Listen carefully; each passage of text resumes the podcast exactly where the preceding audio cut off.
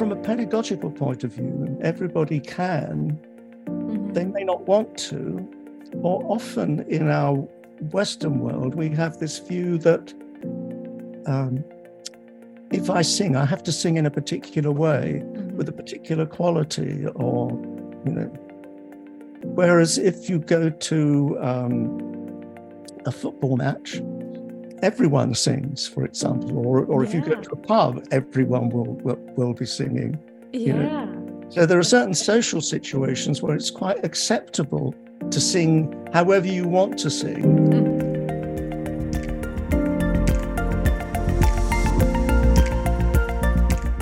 Välkommen till Sångfokuspodden. Podden i serieformat som tar upp sång, röst och hur vi använder den.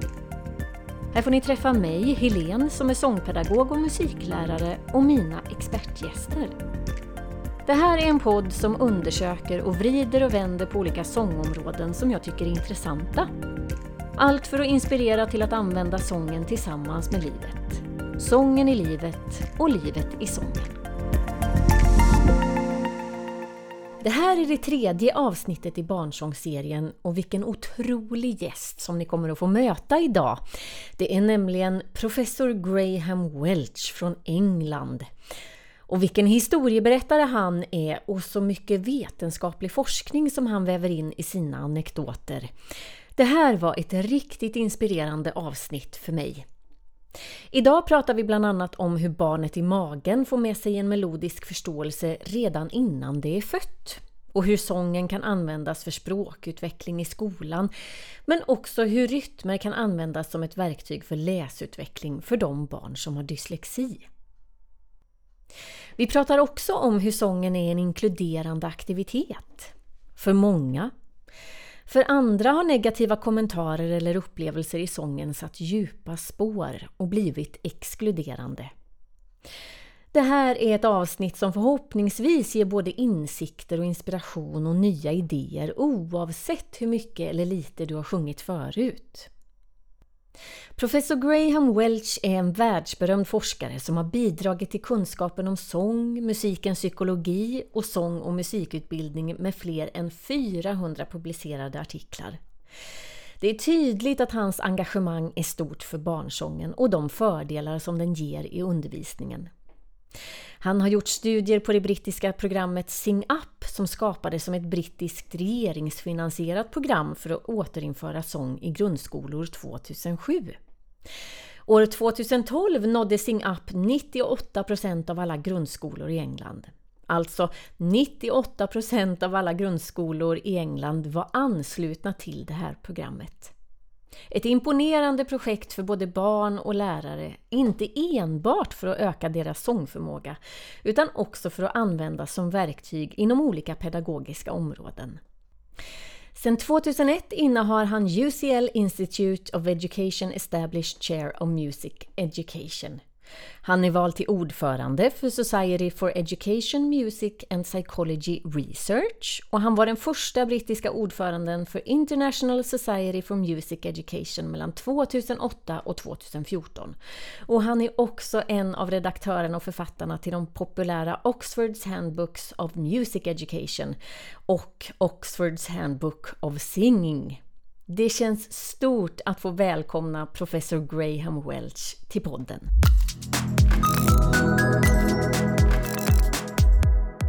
So now we're on.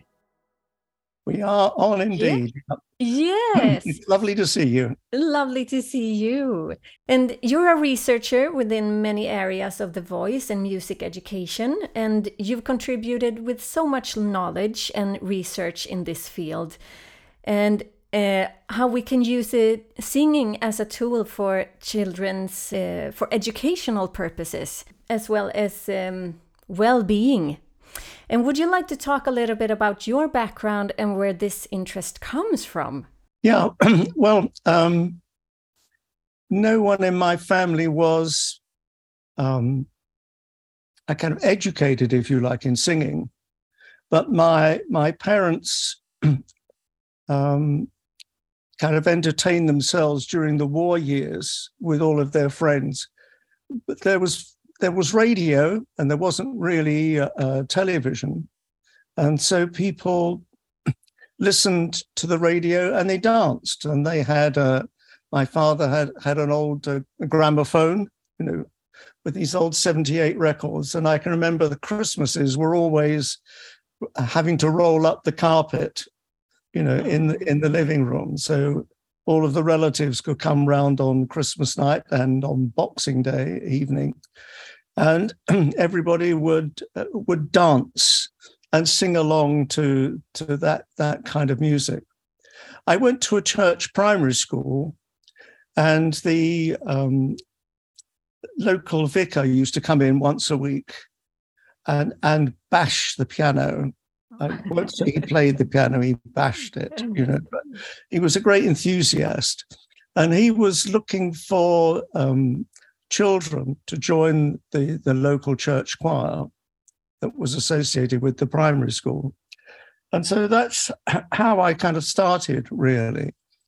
Oh. That I um, joined the choir, I suppose I would have been about uh, 11 um, and stayed with it for, for several years, including during voice change. And I had a, a, a wonderful um, organist, choir director, who was a professor at the Royal Academy of Music, professor oh. of harmony. Um, but he believed that anybody could sing and oh. so he was very encouraging to everybody. He would bring anybody into the choir. He would spend ages kind of supporting them. And he would always give us quite interesting music. Oh. Um, you know, and so uh, that was where it started. I was kind of singing a, a, little bit in school, but also singing in the in the local church. But I picked up also that that sense um, of of the kind of joy for singing which I saw with with my parents, and that other kind of genre from the radio, you know, that kind of dance music. And then, uh, in this rather long story for you, then what happened was that um, almost by accident, I got into teacher education as a mature student. I got accepted uh, uh, at Froebel um, to be a primary school teacher mainly because uh, they'd never had a male married student before. Oh. and, and, so this was a kind of experiment. I, I um, became a father at, at, at married at the age of 17. Oh. So um, I had a, a, a kind of a, an interest, if you like, in in in children. Mm-hmm. And I was taught there by by someone who in our second year he was he was a visitor but a researcher. His name was charles cleall and he um, said to the people in in the room all of our second year primary school students which of you can't sing? And several hands went up you know. So he just went and sat in front of them and he said could you tell me your name and when they said their name, he said, Could you say it again? And he was listening and he sang it back to them in the pitch that they'd spoken it. Oh, wow. And he asked them to copy. And at that moment, they sang their name. And it was oh. like a, a, the sun coming out. I mean, I, yeah. I, I was an observer in, in, this group. I've never seen anything so extraordinary, really so moving. Mm-hmm people who thought they couldn't sing in that moment yeah. suddenly yeah. sang you know. Yeah. And i suppose that when i then became a prime i was a primary school teacher for 14 years in london in in various uh, schools which i suppose um, had a quite kind of mixed intake. Mm-hmm. um, and i taught everything including music. Uh, but i just carried all those early experiences with me that people could sing. Mm-hmm. And if they couldn't, it was down to me as the teacher to find a way through. Yeah. It wasn't because there was a deficit in them. It no. was me as the pedagogue, as the as the teacher to find some way of doing it. So that that was where I was kind of coming from. And lastly, I suppose because I was a primary school teacher, I used to teach the children everything. mm-hmm. The whole curriculum, you know, like 10 subjects, including music. And I would see them in lots of different ways. And so I would understand as a generalist how I could try to make links in the curriculum between this bit of science and that bit of language or or or this um, bit of mathematics mm-hmm. and, and that piece of science or whatever. So there was a sense as a generalist, as a primary school teacher, where you have to teach everything to the same class, that, that you're always constantly looking for links.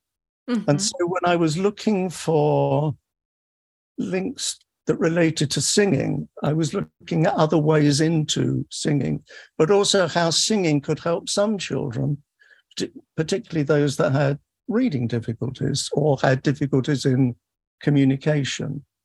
You know, wow. And at the same time, I was studying for my uh, master's degree, and also as a primary school teacher, I did my doctorate at the same time. Oh, so I was able to kind of live the world I was researching. Yeah, so, you know, impressive. Impressive. That's a yeah. long answer. Sorry. Oh, please uh, keep every answer like this, and and I'll be super happy. Um, I was thinking when I was pregnant about with my first child about 16 years ago, I got contacted by an, a magazine and they wanted to do an article of me in my professional role as a music teacher. And they were so curious to hear about if the child was stomping his feet to the rhythms that we were playing in the classroom and the different activities. And as I recall it, he he would normally fall asleep during those activities. It, it was his uh, sleep time, so right, he, didn't, right. he he didn't participate. But my my question is. Um, is the the is there um point to sing or do musical activities with the unborn child as well as the newborn child yes indeed um, and this is because um, uh, during pregnancy, in the, the last trimester, the last three months of, of, uh, of fetal life, the uh, auditory cortex is functioning for, for most of these developing uh, infants. So, although they are inside the womb, they can hear and they are hearing. They're hearing the inside of mum's body, kind of gurgling away as she eats and drinks. Um, they're also hearing her voice, which is transferred through her body uh, by, by, by bone conduction. And, and they're also picking up other aspects of sound from her environment, which are kind of bouncing off the hard surfaces around her. They're also picking up sounds of her friends, of her partner, if she's listening to the radio or if, if she's singing along with something. but the amniotic fluid that, that surrounds the fetus damps certain features of language, primarily um, the, the consonants. So, what comes through to the developing fetus in those last three months before birth are the prosodic features of, of speech, which relate to melody, which relate to timbre, the kind of the colors of your voice, which relate to rhythm, so that the the musical features of our, our speaking are actually being transferred through our bodies and off the other surfaces around to the developing fetus. So, in, in fact, they are growing up in a sound world. And it means on, on day one, at that moment of birth, they're already primed for sound. They are uh, sound animals, if you like, sonic mm-hmm. animals that have had experience of, of musical features of speech, as well as singing. And if mum's been humming or, or whatever she's been doing with her own voice, um, as, as well as her partners and, and the other people around her, these can all be bouncing off the, the um, the bump, if you like, and transfer oh. both from outside and internally to the developing fetus. So we are musical by design. Yeah, Yeah.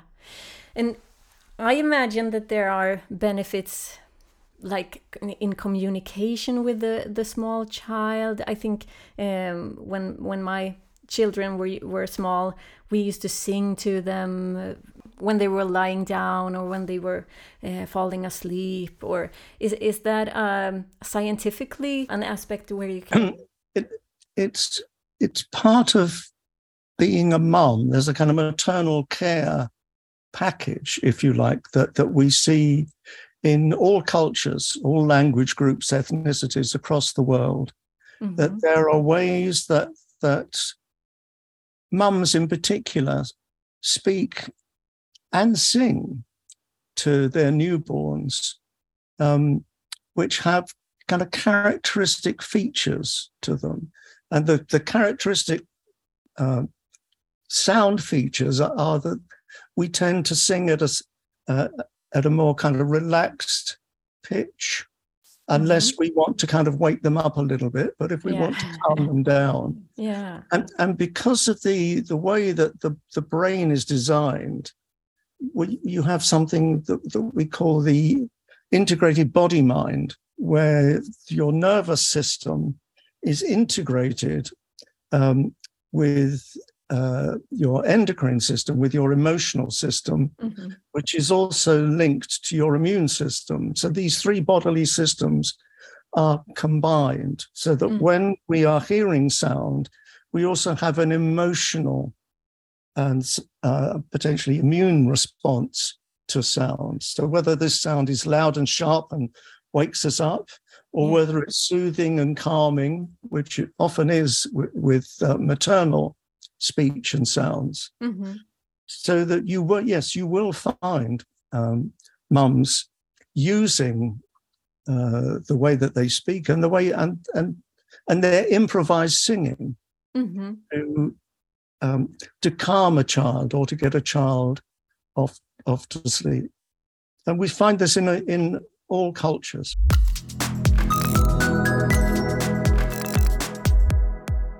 I, I meet many adults um, who are carrying around a, a singing trauma from childhood where they as a child they got a negative comment about their voice or their singing performance and it stuck with them and they stopped many of them stopped singing right then and there and they weren't guided through these difficulties and they didn't uh, continue to develop their singing. How helpful it would be uh, to hear you talk about this for everyone who's carrying around some sort of, of singing trauma or just believe that they can't sing. Yes, and it's mainly, well, it's mainly because either someone said something to them when they were, in my terms, a developing singer, Mm-hmm. They were perhaps not yet uh, skilled or competent in this thing called singing because they haven't had much experience of it. Uh, and at that moment that they received the comment, this was very kind of dis- disheartening and to a certain extent disabling. So, research that we've done with adults suggests that, as you say, people carry around this negative identity into adulthood and sometimes into even greater adulthood. One of one of my uh, colleagues, uh, ex-doctoral students, uh, Susan Knight, uh, got very involved in this in in her own country in Canada, in Newfoundland. Newfoundland is is um, you, like a very large island on the on the edge of of um, Canada, but very close to Europe. It's it's the closest part, if you like, of, of North America to Europe. And, it, and it's a singing culture. There's always been lots and lots of singing. So if you don't sing in Newfoundland, you you actually feel um, really disabled. You know, it's it's something that you want to almost kind of keep hidden. Mm-hmm. And in the research that she was doing, um, there were people have been carrying around these negative feelings about themselves for decades. You know, they not only say that I'm I can't sing, but they also say I'm not musical because mm-hmm. I can't sing. And one of the things that particularly triggered her was that when her mo- her mother was in hospital and her mother was dying, and uh, and she was would visit every day, and um, she said to her mum, "Do you have any regrets in life?" And her mum said, "Well, you know, knowing all the things that you do as a singer and a conductor, I really regret the fact that I'd never learnt to sing." Oh. And mm-hmm. so, in the last weeks of her life, her daughter in the hospital taught her to sing, and they sang together. Oh, incredibly yeah. powerful story. But, but that was how she was able to take the research that she was doing and actually bring it into her own life and her own family. Yeah, amazing. it is. It from a pedagogical point of view, everybody can. Mm-hmm. They may not want to, or often in our Western world, we have this view that um, if I sing, I have to sing in a particular way mm-hmm. with a particular quality, or, you know. Whereas if you go to um, a football match, everyone sings, for example, or or if you go to a pub, everyone will will, will be singing. Yeah. Know? So there are certain social situations where it's quite acceptable to sing however you want to sing mm-hmm. without singing in a proper way that mm-hmm. someone's mm-hmm. going to listen to you. Yeah. But I also think it's it's it's part of it is because our voice is part of our identity. So if I had a group of adults and, and I said to the group of adults, How many of you sing? You would often get uh, some of them saying, Well, I, I can't. But what they mean is, I can't in terms of the model of society. Mm-hmm.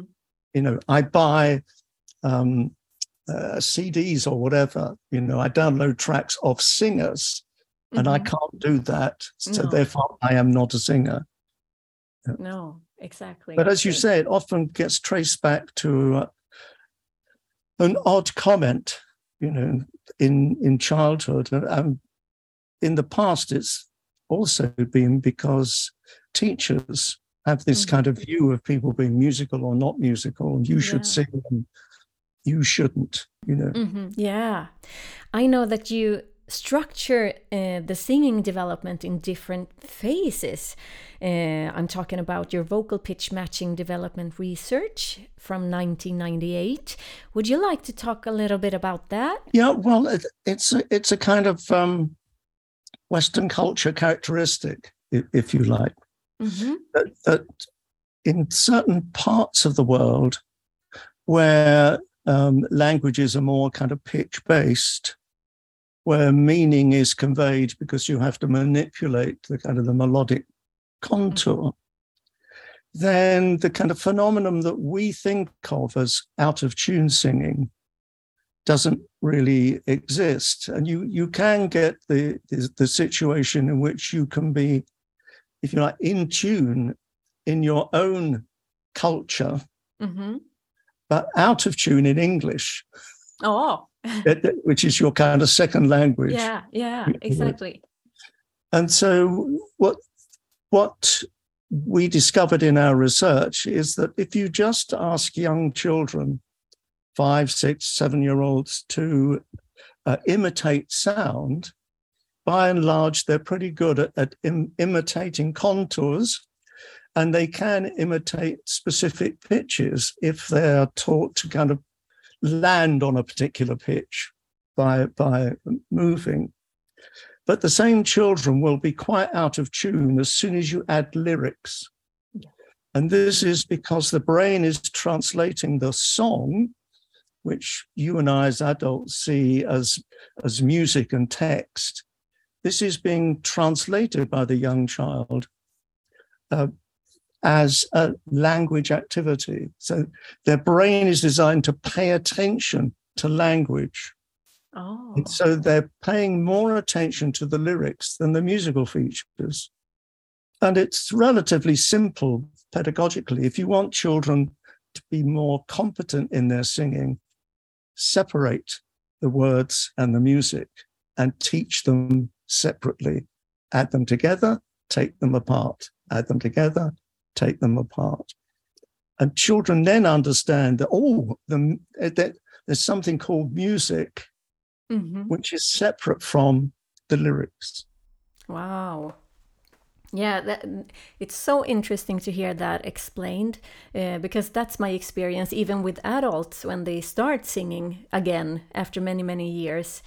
Uh, of being quiet. Uh, that's uh, that's my experience as well. That it's much much easier to sing on an O or an A, or uh, then then the the pitch is kind of perfect, and then when when we add the lyrics, it's it's definitely an issue sometimes. And for example, singing to an oo vowel mm-hmm. relaxes the jaw and relaxes the muscles around the back of the neck, so that that your vocal system is more relaxed. Your larynx is slightly lower. You're going to get better resonance singing to oo rather than the singing to ah. Some children will have quite a tight vocal system in producing ah sounds. But yeah. as soon as they imitate ooh, well, English in ooh, mm-hmm. everything has to kind of be elongated and the yeah. muscular system reduces its tension.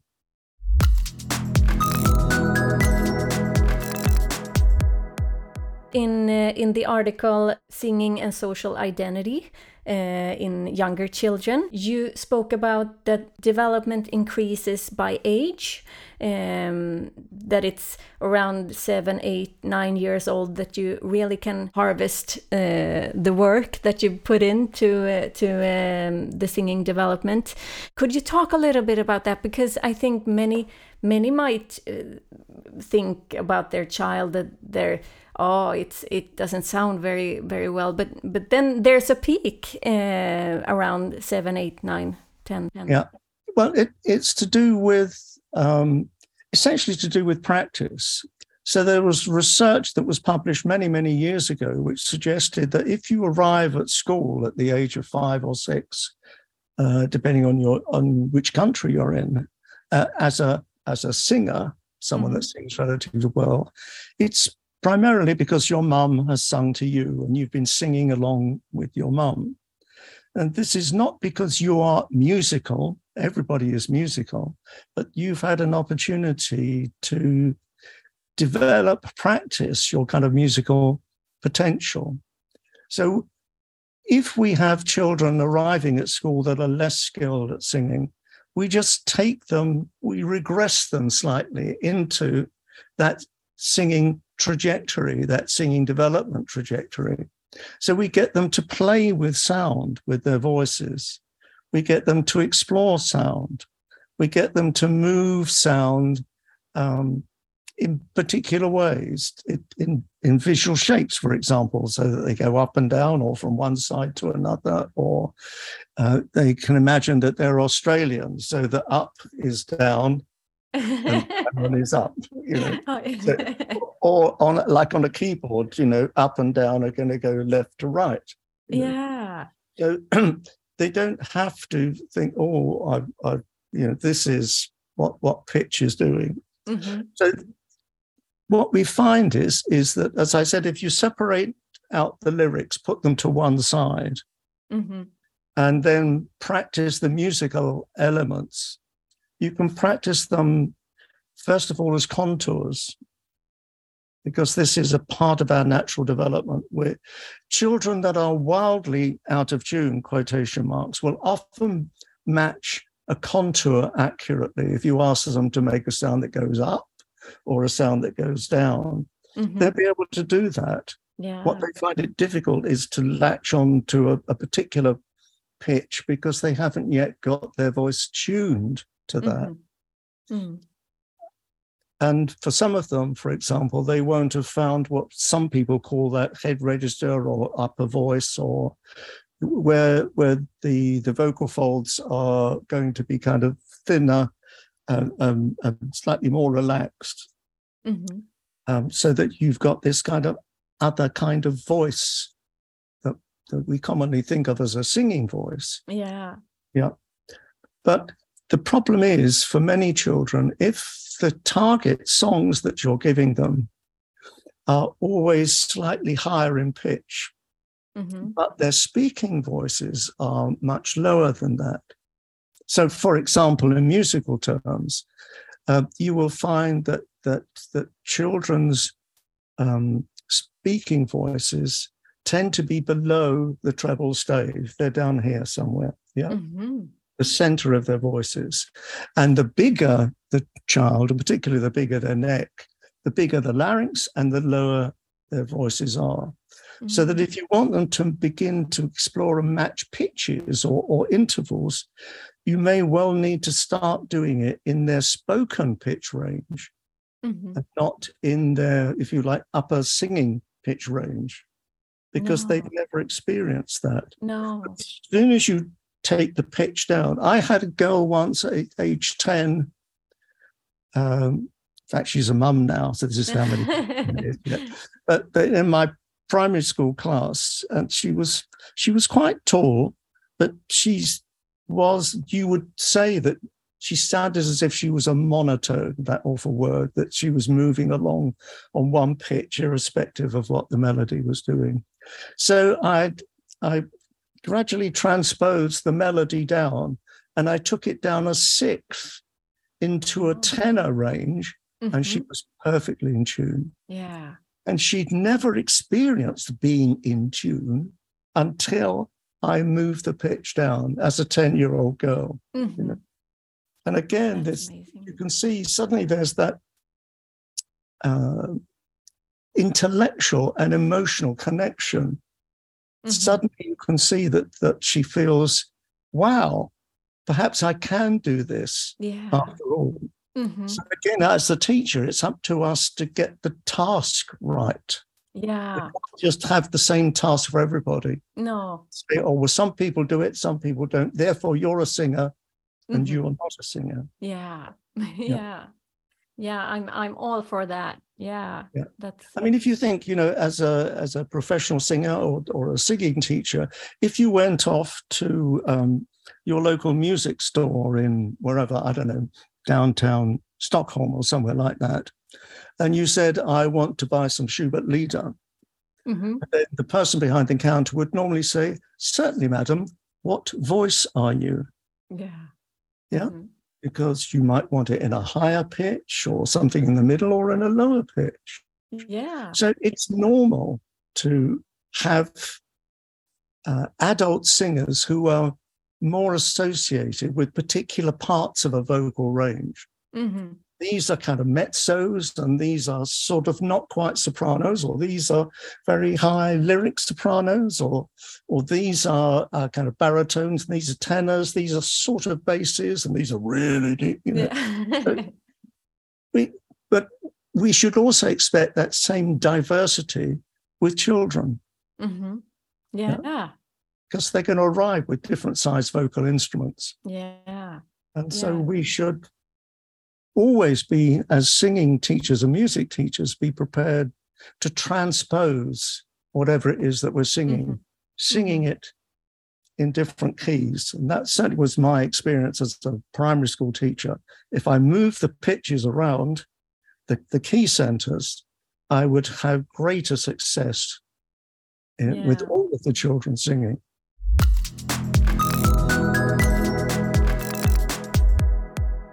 In 2014, I was at a conference and I heard Michelle James, the CEO of Sing Up, talking about this wonderful project. Um, I, am not sure where 2014 if the government had stopped the funding. I'm not really sure, but she was talking about this UK based program, and you're one of the researchers who have studied the effects of this program. So, would you please give us a short presentation of the Singing Sing Up program? Right. Well, uh, what happened was that that in the I, I think people call them the early noughties, you know, but the government at that time created a, a, a music manifesto. So there was a real interest in in promoting uh, music in schools. And as part of that, they decided that perhaps the simplest, perhaps even the cheapest way of doing it is to encourage singing. Mm-hmm. So they had a kind of preliminary discussions about this and then decided they were going to launch a national singing program, uh, which was at the end of uh, 2007, beginning of 2008. And this national singing program in England was called Sing Up, and it was aimed at, at primary school children. And the idea was that, that each week, every child of primary school age would have a successful singing experience. And that's not every child in primary school, but every child of primary school age. Mm-hmm. And the subtle difference there is that the implication is that you can have a singing experience that's successful at that age in the community setting as well as in school. Mm-hmm. So that was the, the kind of the prime focus. And the government allocated uh, an initial uh, 10 million pounds towards this, this program. Oh, wow. and, and, part of that was then uh, allocated uh, to developing uh, teachers as a kind of workforce development to enable teachers to be better at, at uh, encouraging their children to sing primary mm. school generalist teachers. And another part was given uh, to the Choir Schools Association to encourage the cathedrals and kind of major chapels to actually engage with primary schools in their local area to uh, either send out their, their directors of music, their choir masters, and or the actual choristers themselves uh, as kind of mentors, as examples of children singing.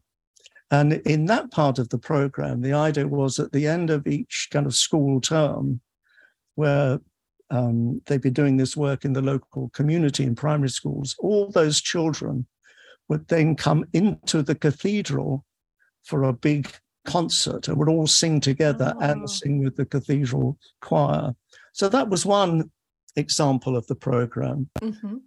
And another part of the program was that, that I looked at was called Singing Playgrounds, in which uh, a, a professional singing teacher would go into the school and work with older children in the playground on their singing voices.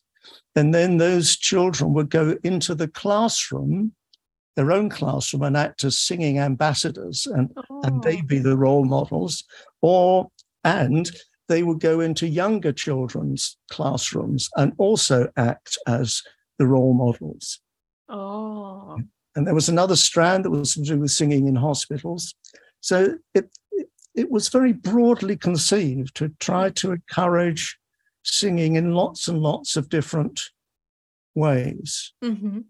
Uh, and the, I was asked to undertake a national evaluation.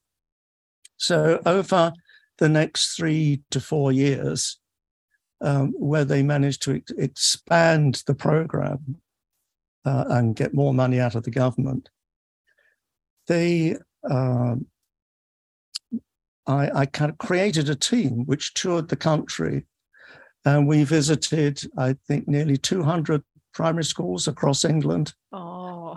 In, in, lots of different places, little village schools and, and those in, in big cities.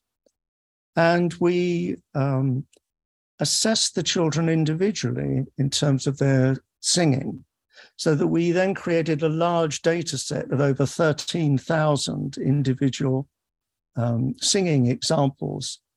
Oh, that's amazing.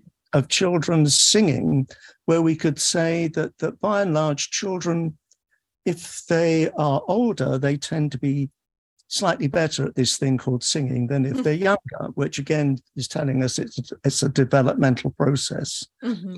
But in those schools where the children had a richer singing experience, because the schools had signed up as part of the program. They were using some of the resource materials. Perhaps they were being visited by a, a singing teacher. Perhaps the teachers were going on special courses, mm-hmm. those children were up to two years in advance in their singing oh. development compared with children outside the program. So, so out of that data set of 13,000, what we discovered was that not only is singing development a, a, a concept, a stat, you know, that kids will get better. Most of them will get better, whether or not you do anything special for them. They will get more competent as they get older. But if you get in and do something pedagogically that's mm-hmm. rich uh, and, and, a much more um, structured and appropriate singing experience, you can accelerate that development. So you've got six year olds inside the program singing as if they're eight year olds outside the program. Yeah. yeah and so this amazing. was quite a kind of powerful message. Mm-hmm. I suppose back back to back to the government as well as the as well as the charity. Yeah, that you know that they were being effective. Mm-hmm. And the extraordinary thing was, although overall this the budget allocation by the government uh, until it stopped was 44 million pounds, oh. which is the biggest singing program ever in the yeah. kind of history of the world. Mm-hmm. This actually equated to around three pounds, what's that, four or five euros per child per year. Yeah. Mm-hmm. That was how much it actually cost at a mm-hmm. child level. Yeah. You know? So, really, although it sounds a lot of money, it was incredibly cheap. Mm-hmm. And it had such a wonderfully positive effect. When the government funding stopped, uh, Sing Up continued as a not for profit charity. Mm-hmm. And it continues uh, today. I mean, I was only speaking to the CEO, Michelle, uh, uh, two weeks ago. Oh. Yeah and it's it's still being taken up by a large number of primary schools, but also being extended into secondary schools. And at oh. the same oh. time, they've now created a, a Sing Up Foundation, if, a, a, a, kind of extra charitable arm, where they've in particular been looking at singing and mental health.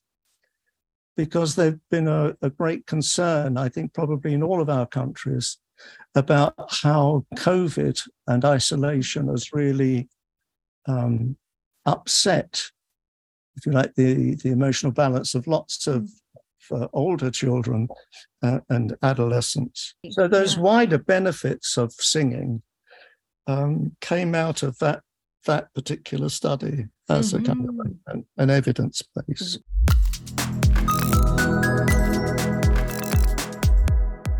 Sometimes uh, or i try to start every class with a song uh, because the kids are you never know what to expect when they arrive in the classroom. They could have been on a break a lunch break or the, and they could have played around and they can be really excited. So you never know what to expect. And then i start almost every uh, lesson with a song because that's for for me that's that's um, a very obvious uh, shift in the group dynamic at that point, and it calms everything down. Are you surprised by that? Uh, no, uh, uh, the research that's been done um, on by some colleagues at, at, the University of Westminster, um, which looked at um, uh, amateur choir rehearsals, by and large, it, when you and I got up this morning, uh, in order to kind of get up and get going, our um, stress hormones, such as cortisol, for example, had rose. So, you know, because we had to be kind of busy, get ourselves or our children organized and get them out the door, you know, and off to school and things like that. But as the day uh, progresses, by and large, our stress hormones gradually reduce. That's mm-hmm. everybody kind of standard day.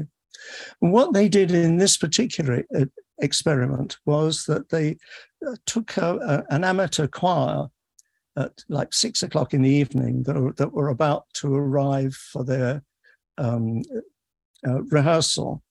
And they took swabs to look at, at their kind of hormonal stress levels at that moment. Of course, they're all quite excited, you know. Mm-hmm. In part because they knew that they were going to be filmed and you know. Yeah. And then they swabbed them again at the end of the rehearsal like after half an hour or so and the stress levels have dropped. Wow. Dramatically you know really dropped. So there's something about engaging with singing and other research in germany has demonstrated this as well that as soon as you start engaging in singing in a group activity you you feel better and part of feeling better is that the, your internal stress hormones are being reduced so, yeah. so, there's a measurable difference if you like in that part of, of that aspect of your body mind because your emotional centers deep inside the brain are networked to these outside bits which is where all the thinking and problem solving goes on mm-hmm. and so they we can't have any experience really as a human which is not emotional. The emotional no. system is always switched on somehow. Uh, but we can really engage it if we work with a group of other people in something successful, you know, mm-hmm. a kind of team activity. Yeah. But when we're all singing together in a choir, Again, there's this strange acoustic effect where you've got two plus two equals five, that you get parts of the acoustic spectrum uh, begin to emerge much stronger, which you don't see, you can't measure in any of the individual voices. But once mm-hmm. you put all those voices together, you get this extra kind of uh, acoustic coloring, mm-hmm. which in fact carries you all along. You know? Yeah so that your little bit of effort is taken up by everybody else. And that collective effort kind of buoys you a lot, which is another reason why you feel less stressed during a choir rehearsal. Mm-hmm. Yeah. And if we, we talk about the classroom situation, could singing be a tool for inclusion where every everybody can participate and get along? It can, yes, absolutely. As long as as long as we're careful with the task. Mm-hmm. So um, the, the the critical thing is is that if we say yes, singing's good for you, and everybody's got to sing, mm-hmm. but we give people singing material which is too difficult for them at the moment, mm-hmm. they will immediately separate into those that can and those that can't. Yeah. So if we start with simple singing games, or we take, I'm going to start with the song, but I'm going to do it in this key. Now I'm going to do it in this key. Now I'm going to do it in this key. And we're going to move the key center around so it matches the instruments that mm-hmm. everybody's walked through the door with. I've got 30 kids, I've got 30 instruments, and they are not identical. No, no. But uh, as far as uh, um, connecting to the classmates. Uh, I, I, was uh, thinking a little bit about oxytocin rises in in group uh, singing. Do you think that's a part of uh, us? I mean, oxytocin is the hug drug. If I um, the love. Uh, yeah, yeah, yeah. It, it it's uh, implicated certainly in, in social bonding. Mm -hmm. So so that we see that oxytocin levels tend to be much higher uh, in adult choral groups uh, as a result of, of them kind of singing together. Yeah. And certainly um, in my own independent measures with children, uh, there's a clear link between singing and social inclusion. Mm-hmm. And, and more competent singers tend to feel that they are more socially included.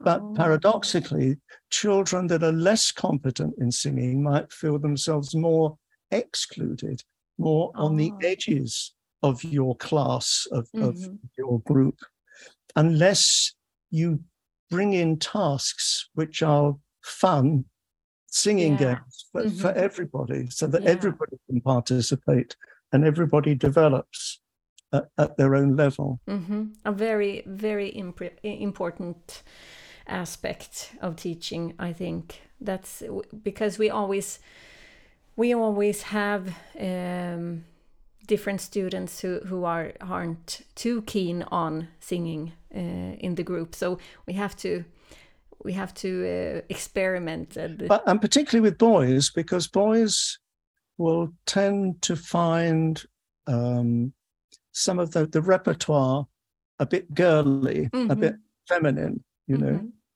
Uh, and so again, we we have to choose music which is um, which has an appeal for both sexes. Yeah. Mm-hmm. And also, perhaps at times, one of the things I, I did in my own primary school, where uh, I, in my third school, where I was the deputy head teacher, still doing music as well as everything else, I discovered that that singing was kind of seen as a female activity, whereas the boys did football.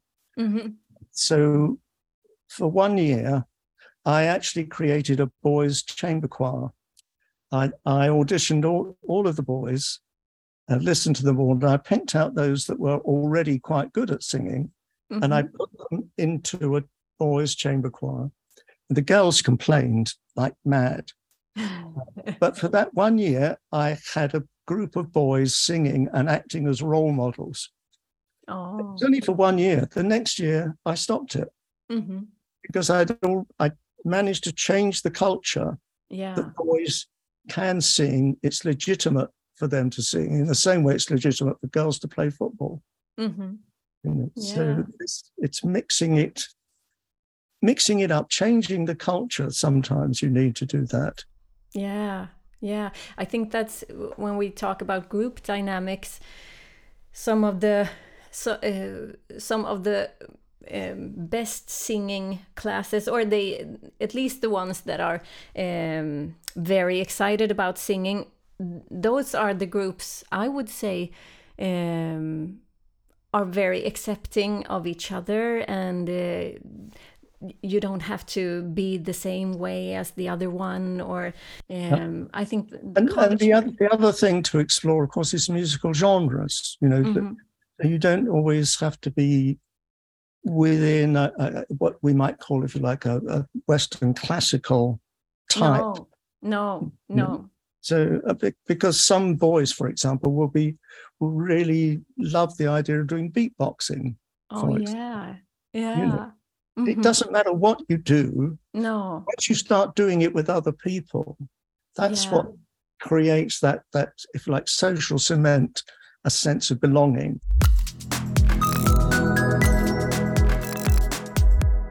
In my music classes, I often take requests from the children.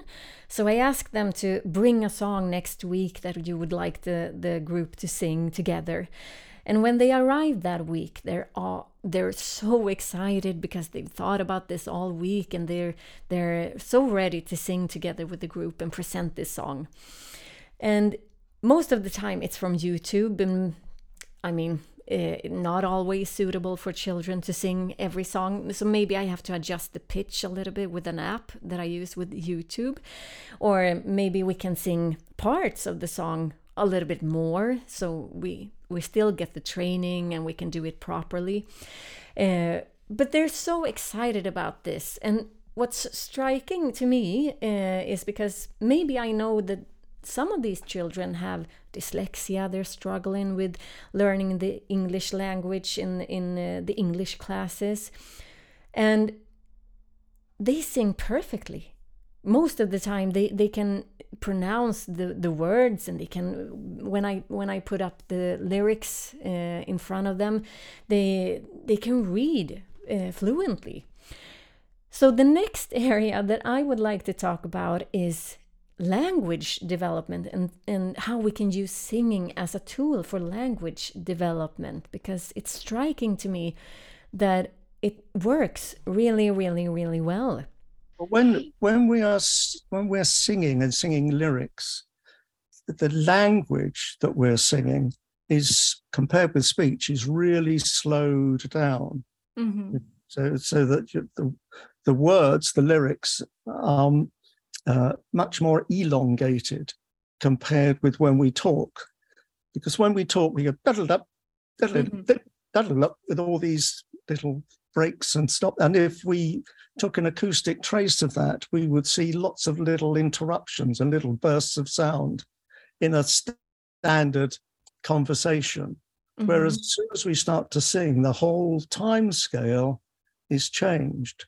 And that means for children that find some difficulties with the language, either in communication, uh, which is quite common in England, that the largest special need we have for five year olds is speech, language, and communication as the largest particular type of special need at age five. Or as they get slightly older, perhaps, it, as you said, it, it's to do with dyslexia or dyslexic type challenges. They have mm-hmm. difficulties in, in, decoding or uh, um, print. And, and again, having this opportunity to, to explore lyrics can be very uh, useful as a tool, as a way in.